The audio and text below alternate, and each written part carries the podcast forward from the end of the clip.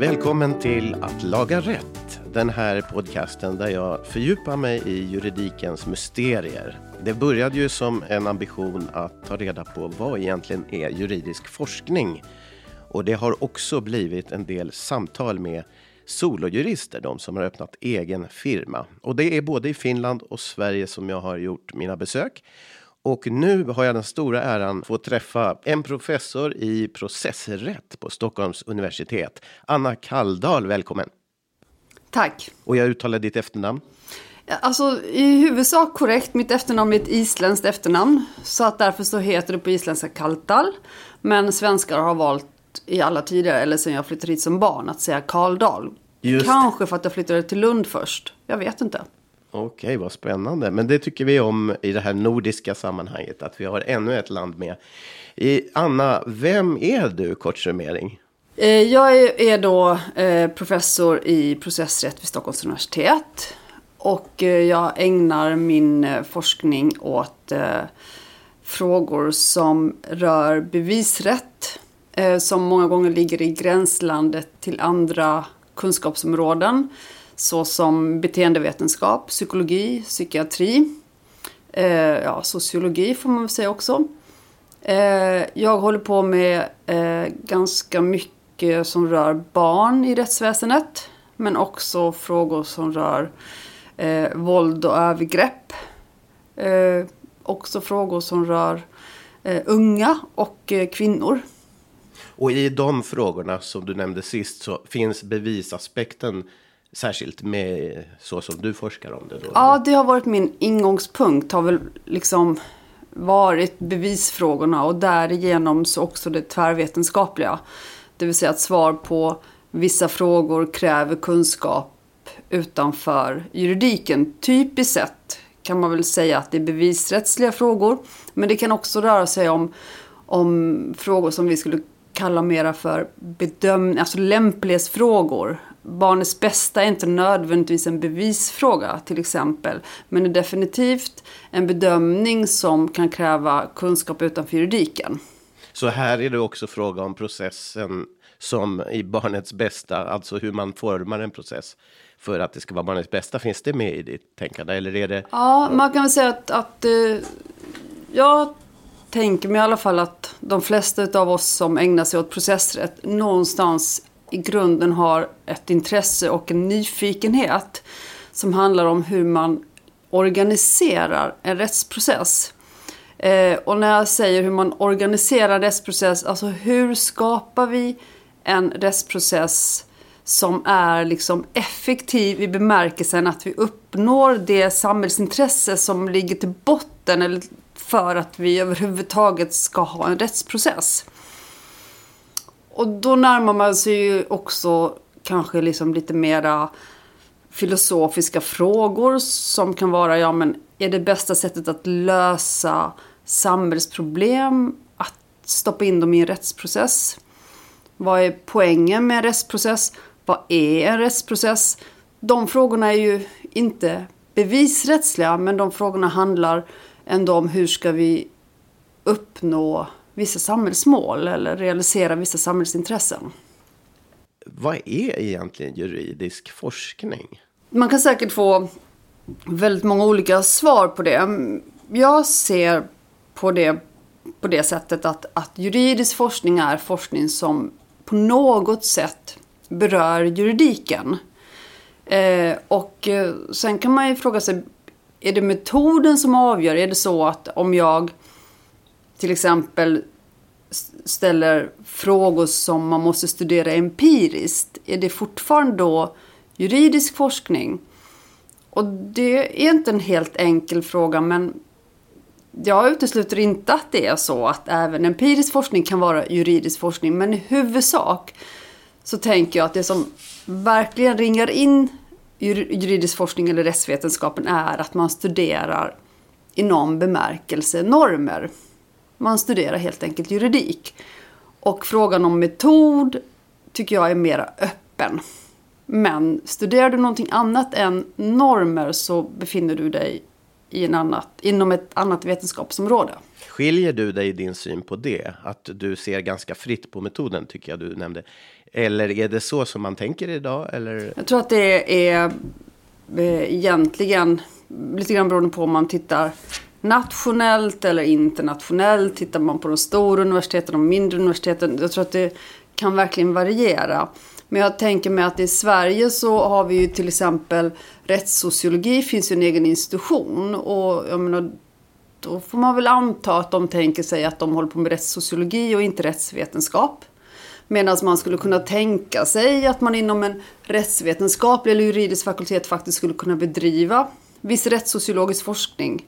Så att jag tycker att man kan säkert tycka olika men jag tycker egentligen att gränserna är mindre intressanta. Huruvida det är rättssociologi eller rättsvetenskap mm. tycker jag egentligen är mindre intressant. Men jag skulle ändå vilja säga att eh, om jag som rättsvetare behöver ha ett genuint intresse för normer och också, även om jag kanske bitvis, jag gör det själv, sysslar med empirisk forskning så behöver jag ändå ha en trygghet och stabilitet i den så att säga rätts den juridiska metoden i benämningen, alltså i bemärkelsen att hantera eh, normer i hur tillkommer normer, vad finns det för olika typer av normer, hur förhåller sig olika normer och rättskällor till varandra. Den biten är ju inte empirisk. Det förutsätter någon annan form av metod. Och jag skulle säga att vi är nog alla överens om att en rättsvetare åtminstone behärskar det. Sen så kan man syssla med annan typ av, av eh, eh, forskning kopplat till, till normer också. Ja, just det. Men jag, jag, tycker ändå som nybörjare och eh, lite nu på väg in i forskningen att man, man känner efter att man studerat också en rädsla över att träda över gränsen till andra ställen än det där rättsvetenskapliga eh, traditionella.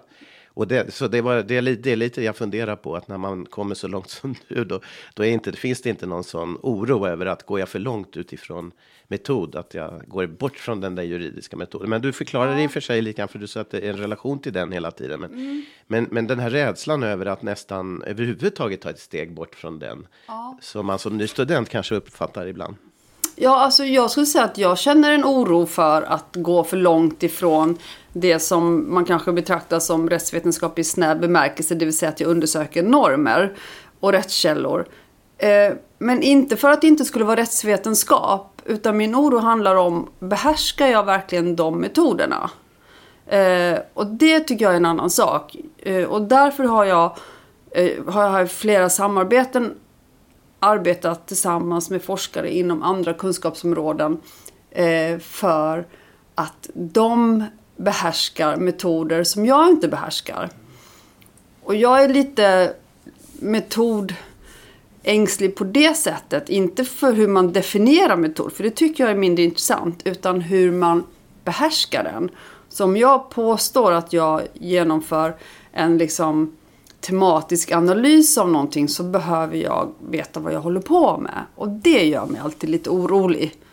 Och likadant om jag ska göra någon in, djup intervju, då vill jag gärna att någon som är utbildad i det, eh, både hur man bygger upp en intervjuguide, hur man intervjuar, hur man analyserar datan. Det vill jag gärna att någon som känner sig säker på det gör. Där är jag orolig. Men då, det öppnar en annan fråga, nämligen hur lätt är det att samarbeta med andra. Jag menar, du går till ditt eget hjärta och säger du är öppen för samarbete, men hur lätt är det att få samarbeten med helt andra discipliner? Då? Jag skulle säga att det, är, det svåra är inte att etablera samarbete. Jag tror att många av oss som håller på med frågor som berör många kunskapsområden är intresserade av att samarbeta med varandra.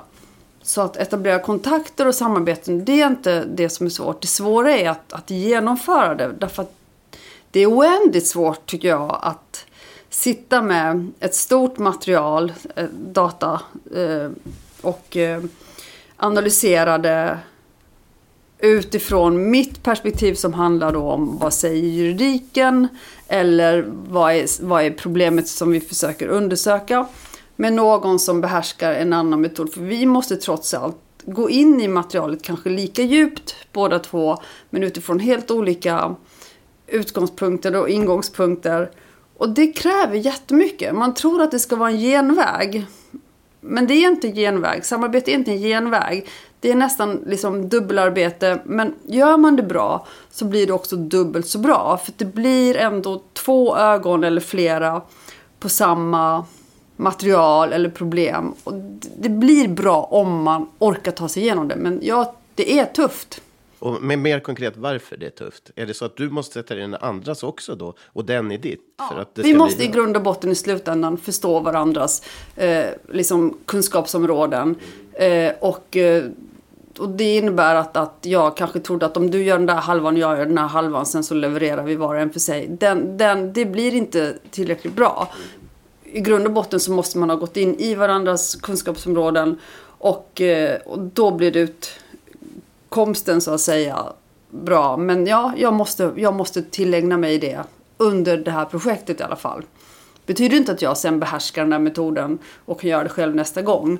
Men just i det sammanhanget med den datan och det projektet, ja, men då är det nog faktiskt så man måste göra. Men hur, eh, vad krävs, vad, vad, har, vad kan du sätta för, vad ska jag säga, hur, hur, vilka krafter måste du mobilisera för att klara den ganska tuffa processen då? Vad är det som gör att du klarar det? Dels måste man ju vara starkt eh, motiverad. Att man tycker att det man gör har eh, någon form av relevans, att det ska betyda någonting för någon. Sen måste man ha en genuin nyfikenhet. Mm. Och, eh, och liksom någon form av kunskapstörst som man någonstans ändå är beredd att, att vara i lågstadiet igen och igen och igen. Mm. Och, mm, så de två sakerna är väl helt avgörande. Motivation och, och kunskapstörst. Och sen så den tredje, liksom egenskapen är väl bara disciplin. Bara piska. Mm. så, så morot, nyfikenhet och piska. Mm, bra. Hur ska man egentligen tänka om man vill börja forska? Om du, om du hade börjat eh, nu med det du vet nu om forskning, och vilka råd skulle du då ge? Typ så är det jag tänker. Att eh, knyta sig nära personer som man eh, tycker om och som man har eh, respekt för kunskapsmässigt.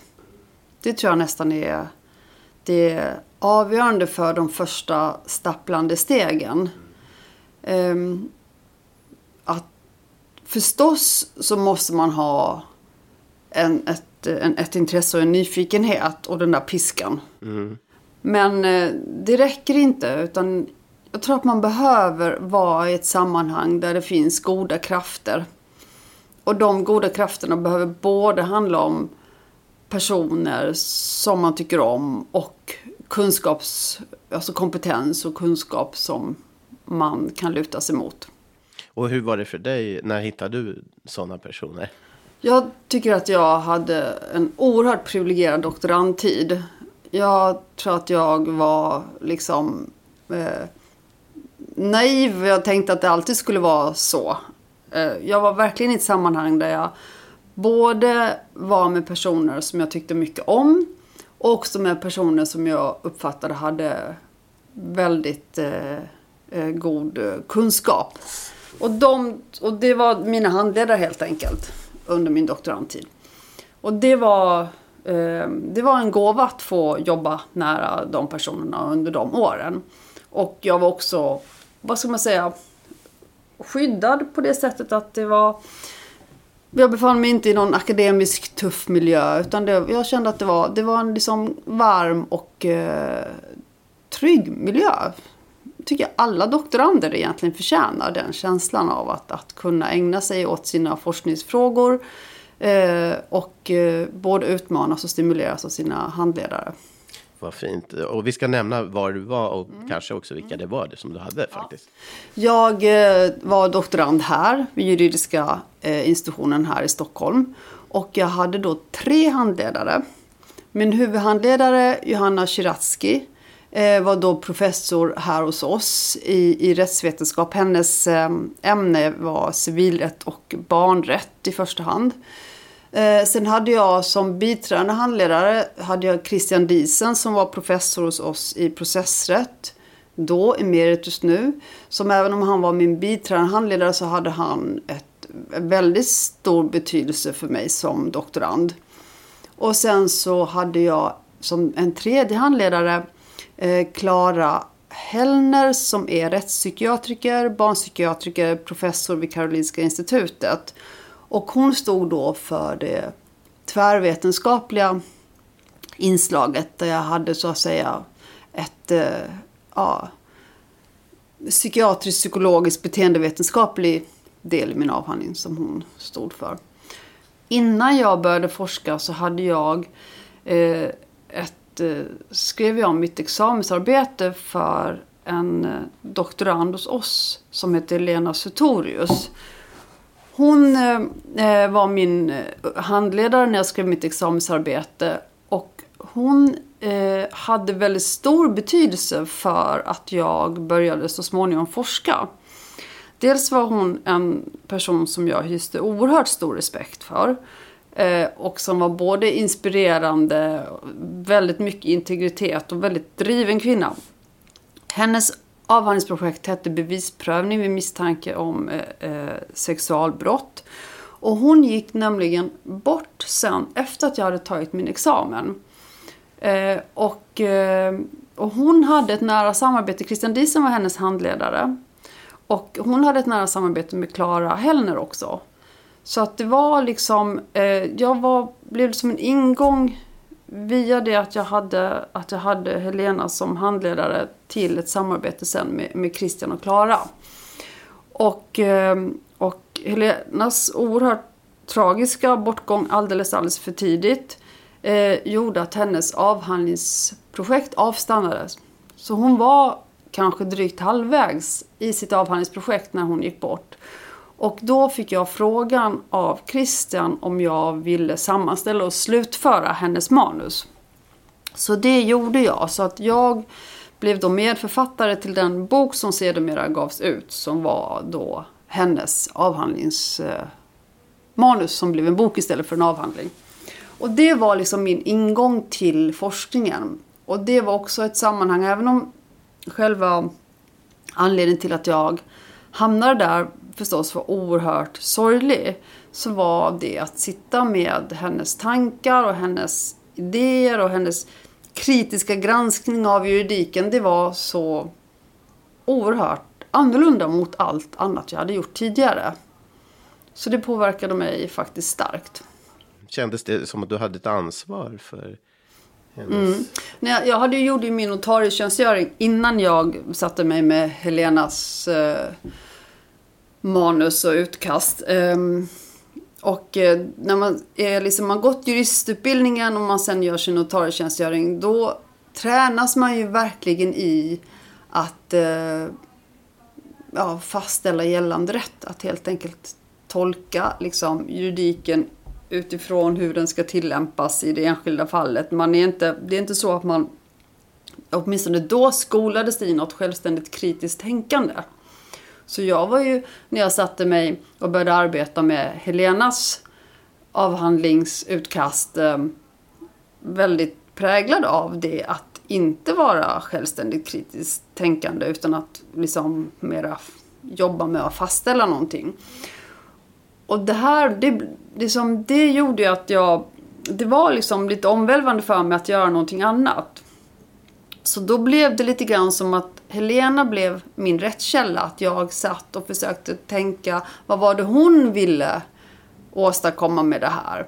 Så jag, istället för att vara lojal med, med så att säga, lagstiftarens intentioner så blev, jag då, blev min målsättning att vara lojal med Helenas intentioner. Så det kändes ju som ett oerhört ansvar. Jag vet om att jag tyckte att det i perioder var väldigt, väldigt tungt. Men det var också oerhört eh, inspirerande. Utmanande någonting helt annat. Hur blev det tyckte du? Eh, jag tyckte att det blev jättebra. Det var ett jättehårt arbete eh, men det blev jättebra. Jag är väldigt stolt över det som det blev. Där, och eh, den boken det blev. Om, om böcker som du gör då, så den här lilla trevliga boken som ni har gjort om forskning. Vad, mm. vad, vad, varför kom den till? Ja, eh, den kom väl till eh, för att det hade varit ganska mycket diskussioner här på institutionen och sen så har det varit ganska stort reformarbete här hos oss också som handlar om studenternas examensarbeten. Eh, och eh, vi har gått igenom ett ganska ordentligt reformarbete där man har varit mån om att höja kvaliteten i studenternas examensarbeten. Och det handlar om att, att eh, institutionen har fått, liksom, fick väldigt allvarlig kritik genom en, en granskning här för några år sedan.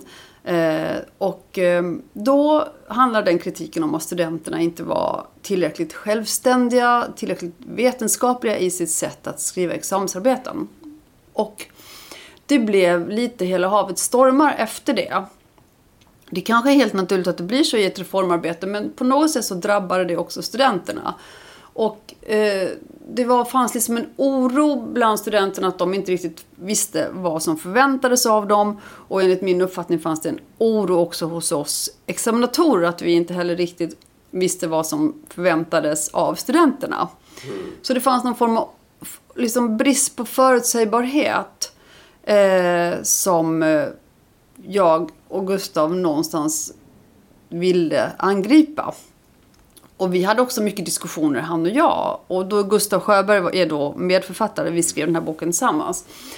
Eh, och där vi helt enkelt ville liksom dels på något sätt lugna studenterna och säga att det är inte så himla dramatiskt som det kan verka. Och samtidigt säga, men det finns ändå vissa grundläggande krav på ett examensarbete. Så å ena sidan, ta det lite lugnt, men å andra sidan, ni får inte eh, göra som man alltid har gjort, utan det finns vissa krav på vetenskapligt förhållningssätt, på självständigt, analytiskt, kritiskt sätt när man behandlar en vetenskaplig fråga. Så de två, så att säga, ambitionerna fanns. Och så ville vi vara konkreta och tydliga. Handfasta helt enkelt, som ju också boken heter. Mm. Eh, och, eh, det var liksom tanken. Så det var inte, tanken var inte att skriva något tungt och krångligt och komplicerat om metod eller om vad rättsvetenskap är. Eh, utan att göra någonting handgripligt och att eh, eh, liksom hjälpa studenterna i första hand. Och vår tanke var väl också att genom att rikta sig till studenterna med konkreta tips så skulle också examinatorerna kunna ta till sig det när man börjar liksom känna sig osäker på vad är det vi förväntar oss och vad är det vi ska examinera på. Mm. Och vetenskapskrav på uppsatser i rättsvetenskap heter de och då handfasta tips. Mm. Och det är dig och Gustav Sjöberg då som har skrivit. Men vad har du fått för känsla av den när den har börjat praktiseras och användas och eh, feedback och så sen?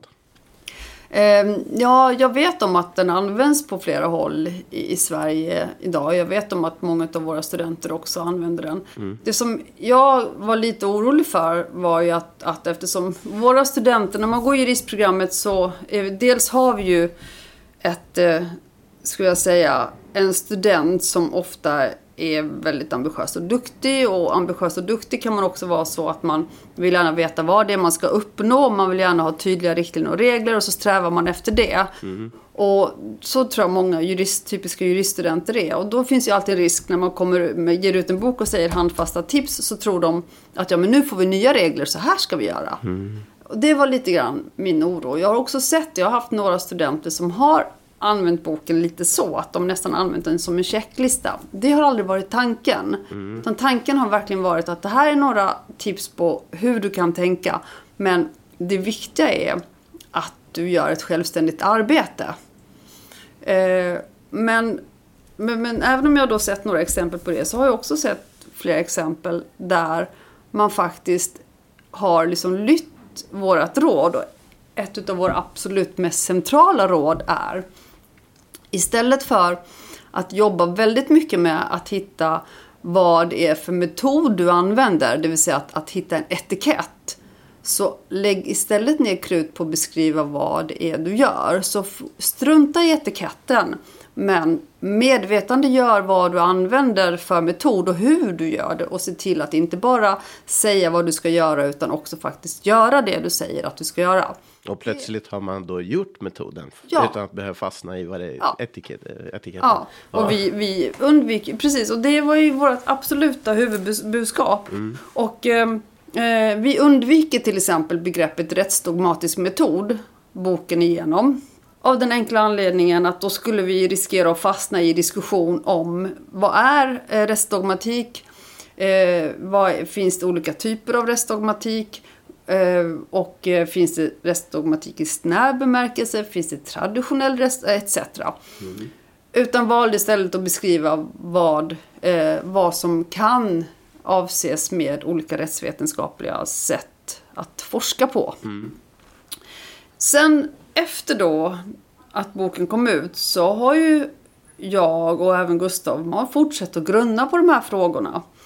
Och eh, av den enkla anledningen att jag, jag har ett genuint intresse för hur man eh, designar en, en forskningsstudie. Och jag har då också funderat på att ja, men om man skulle då göra om den eller göra en ny upplaga eller skriva någonting mer fördjupat så finns det ju massor med saker man skulle kunna fördjupa. Den kritik som vi har fått har ju då främst handlat om att vi inte hänvisar till tillräckligt många och det här, nu citerar jag inte någon, utan det här är som jag har tänkt, att vi inte hänvisar till tillräckligt många gubbar. Vi hänvisar, jag tror vi har en fotnot. Och där hänvisar vi till Jan Hellner. Det är den enda vi hänvisar till i hela boken. Och då kan man ju förstå att det finns oerhört många gubbar och tanter som vi inte hänvisar till. Det är ju den största kritiken. Och någonstans så tänker jag att ja, man kan se det på två sätt. Man kan se det som att, att vi är nonchalanta, som inte förstår att det finns jättemånga som har skrivit jättemycket viktiga saker om de här frågorna. Eller så kan man se det som att vi faktiskt inte vill skriva om just alla de jätteviktiga, jätteintressanta sakerna utan vi vill skriva om någonting mycket mer praktiskt och konkret. Och då handlar det inte nödvändigtvis om vad det finns för olika teoretiska angreppssätt. Utan det handlar om vad är det jag konkret behöver som student när jag ska skriva ett examensarbete. När det gäller disciplin sa du förut. Eh, mm. Det kan alltid vara ett problem. Mm. Va, hur är det för dig? Um, ja, jag, um, jag brukar ibland tänka att jag är en, en morgontrött person och jobbar bäst på kvällar och nätter. Och så har jag varit ända sedan jag var tonåring. Och när jag var tonåring så trodde jag alltid att det skulle bli bättre sen. Jag trodde att åtminstone så skulle det bli annorlunda när man fick barn. Eh, jag är fortfarande så. Jag har två barn som idag är vuxna. Jag har, jag har varit precis likadan hela mitt eh, vuxna liv. Jag är ju klart att jag går upp på morgonen när jag måste. Men det är inte, då, det är inte så jag fungerar bäst. Så jag har god disciplin förstås. Annars skulle man inte tror jag, klarar av att, att liksom hålla det tempo som man ändå tvingas hålla. Men eh, jag eh, är inte en person som alltid håller jämn takt. Vad är det man säger? Ardennerhästar. Det är väl mm. de som liksom jämna, tåliga arbetshästar. Utan jag är mera... Jag, jag kan liksom trava väldigt intensivt men sen måste jag återhämta mig. Och sen kan jag trava intensivt igen. Och det innebär att när jag travar intensivt så är jag väldigt disciplinerad. När jag återhämtar mig så är jag väldigt odisciplinerad. Men eh, om du ska skriva någon eh, uppsats, stor bok, eh, måste du liksom två, två sidor idag, per dag? Nej, nej, det, nej, så fungerar det inte för mig. Utan jag, jag jobbar som allra bäst om jag har lång sammanhängande tid där jag inte blir avbruten. Och när jag pratar om lång sammanhängande tid, då pratar jag om, om eh, veckor, helst månader, men så ser det ju inte ut idag. Eh, men om jag kan liksom isolera mig en vecka eller två och kanske man sitter på landet eller jag kan också sitta hemma. När jag inte blir avbruten av att jag har undervisning eller möten, då, då kan jag liksom ägna mina dagar åt mitt projekt. Att jag är i det mer eller mindre hela tiden och sen så kanske man gör något avbrott för att man går ut med hunden eller man går och handlar eller man går och tränar eller man umgås med någon. Men man är, det är ändå så att det är projektet som dominerar tillvaron. Det, och så, därför så passar det ju mig på så vis väldigt, väldigt bra att vara i akademin.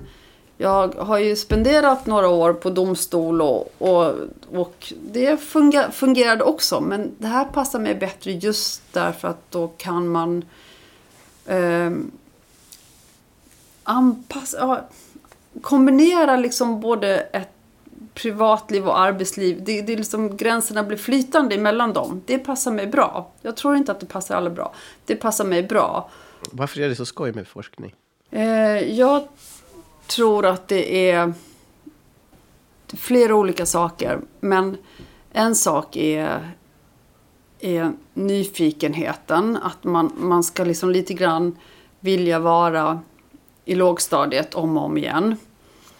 Eh, det andra är att eh, det är helt legitimt att vilja gräva i saker och vara lite långsam. Det kommer jag ihåg när jag var notarie att jag tyckte att det var så otroligt besvärligt att allting skulle gå så fort. Så att liksom nyfikenhet och, och att kunna nörda, liksom, att kunna gräva. Det tycker jag är de, det är de två stora kvaliteterna i forskningen. Sen kommer den här tredje saken som ju jag tror på sätt och vis var min ingång. Det här med att man vill göra gott. Och inte nödvändigtvis gott att man på kort sikt vill se en massa goda effekter. Men att man ändå tänker sig att man, det man gör på något sätt ska bidra till att världen blir lite bättre någon gång. Eh, vilket jag i och för sig tror att många som inte är forskare också strävar efter. Jag tror att många som läser juridik tänker sig att jag vill bli jurist för att jag vill göra någonting bra. Mm. Eh, det finns många andra yrkesgrupper också. Men det är i alla fall, så många av oss som håller på med forskning någonstans ändå har en sån tanke. Mm. Och varför det är viktigt med juridisk forskning? Du har kanske varit inne på det när du säger det sista. Det, för det första tycker jag att den frågan är ju jättebra och jätteviktig. Därför att att bedriva forskning är någonting som jag ser det helt annat än att jobba med rättstillämpning. Och den liksom, tanken har nog eh, liksom vuxit hos mig. Och då vill jag ändå säga att initialt när jag valde juridiken så valde jag ju det för att jag skulle rädda världen. Så att det var inte så, och då tänkte jag absolut inte forskning. Ehm, så att jag ville ju liksom, då skulle det... Jag skulle sträva efter rättvisa och göra världen bättre genom det. Medan idag när jag tänker på varför behövs det forskning? Jo, därför att forskaren är ju fri i förhållande till domaren. Domaren är ju bunden utav lagen. Jag är inte bunden utav lagen utom när jag examinerar, för det är ju myndighetsutövning. Men annars, ja, är klart att jag är bunden utav lagen på samma sätt som alla andra. Men när jag tittar på juridiken så är inte jag bunden av lagen inom, alltså som forskare. Utan jag kan ju titta på ett samhällsproblem och säga att här har vi ett problem. Och då kan min följdfråga bli som, som forskare, men okej, okay, kan juridiken hjälpa oss? med det problemet? Kan vi lösa problemet med hjälp av juridiken? Och i mitt ämne som då är processrätt, som jag var inne på tidigare, kan vi lösa det problemet genom att organisera en process, eh, genom att skapa någon form av organisation för tvistlösning eller förmedling eller måste det här hanteras bevisrättsligt på ett alldeles särskilt sätt för att vi ska kunna uppnå vissa samhällsmål? Det, de frågorna kan inte en domare ställa sig i sin tillämpning. Utan en domare är bunden utav det som framkommer vid förhandlingen och utav lagen. Och där har jag ju en helt annan frihet. Och det är ju egentligen helt galet roligt att kunna göra det. Om man nu hade tid att göra det. Ja. Eh, någon forskare eller jurist som du beundrar behöver ju inte vara jurist, men eh, någon förebild i forskningens värld? En av mina idoler är ju förstås Helena Sutorius. Mm. Hon är ju min första idol och eh, hennes eh, eh, arbete och tankar och integritet är jag fortfarande beundrar jag fortfarande jättemycket. Och känner att det, det skulle vara en ynnest att, att uh, kunna nå ens en gång halvvägs vad det gäller det. Och, och då ska vi nämna den boken som du då mm. gav ut, vad den heter. Ja, eh, den heter Bevisprövning vid eh, sexualbrott. Just det, det sa du förut. Det blev ju aldrig en avhandling utan mm. det blev den här boken. Mm. Um, och, eh, och jag, eh, det som hon gör är ju att dels så, så driver hon ju en fråga som har en, en ideologisk eh, liksom, botten. Där det finns ett, liksom, hon anlägger ett feministiskt perspektiv på juridiken. Hon undersöker liksom både liksom brotts, alltså sexualbrottens konstruktion men också bevisvärderingsfrågorna och hur liksom attityder kan liksom påverka hur vi bevisvärderar och eh, risken för, för subjektivitet helt enkelt. Men också hur lagens utformande kan bidra till att förstärka liksom, negativa normer.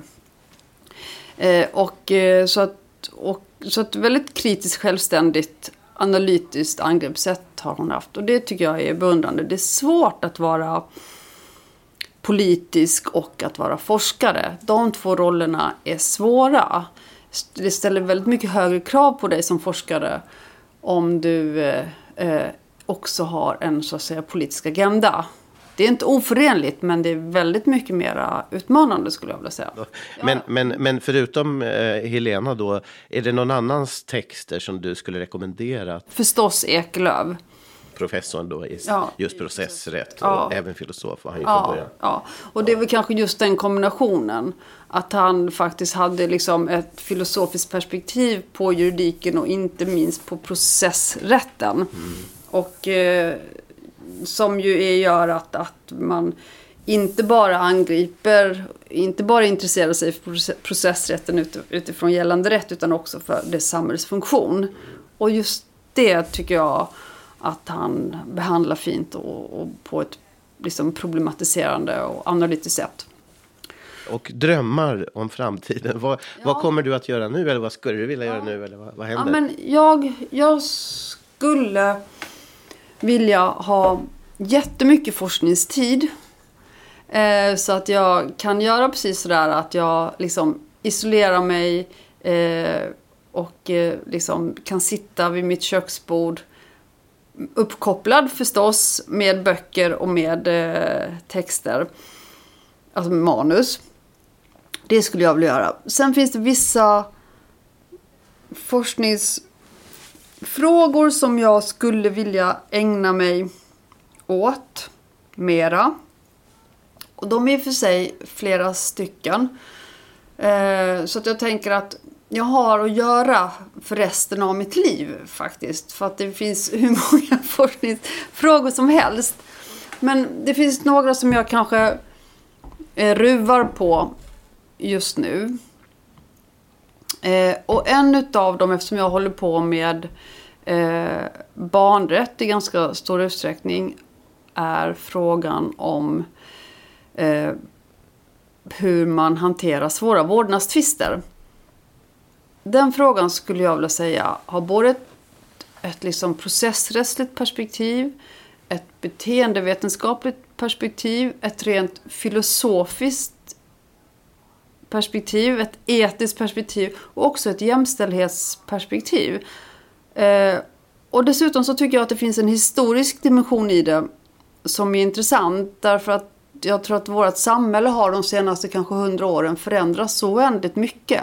Så att vår syn på barndom och på föräldraskap eh, gör att, att vi idag måste tänka helt annorlunda.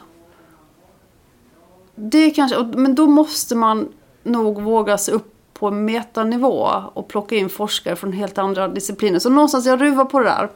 Och det är inget som du har nu på gång men som du drömmer om att göra? Ja, eller? och jag har liksom, jag är väl i någon, inte, ja, någon form av embryo till samarbeten och till tankar.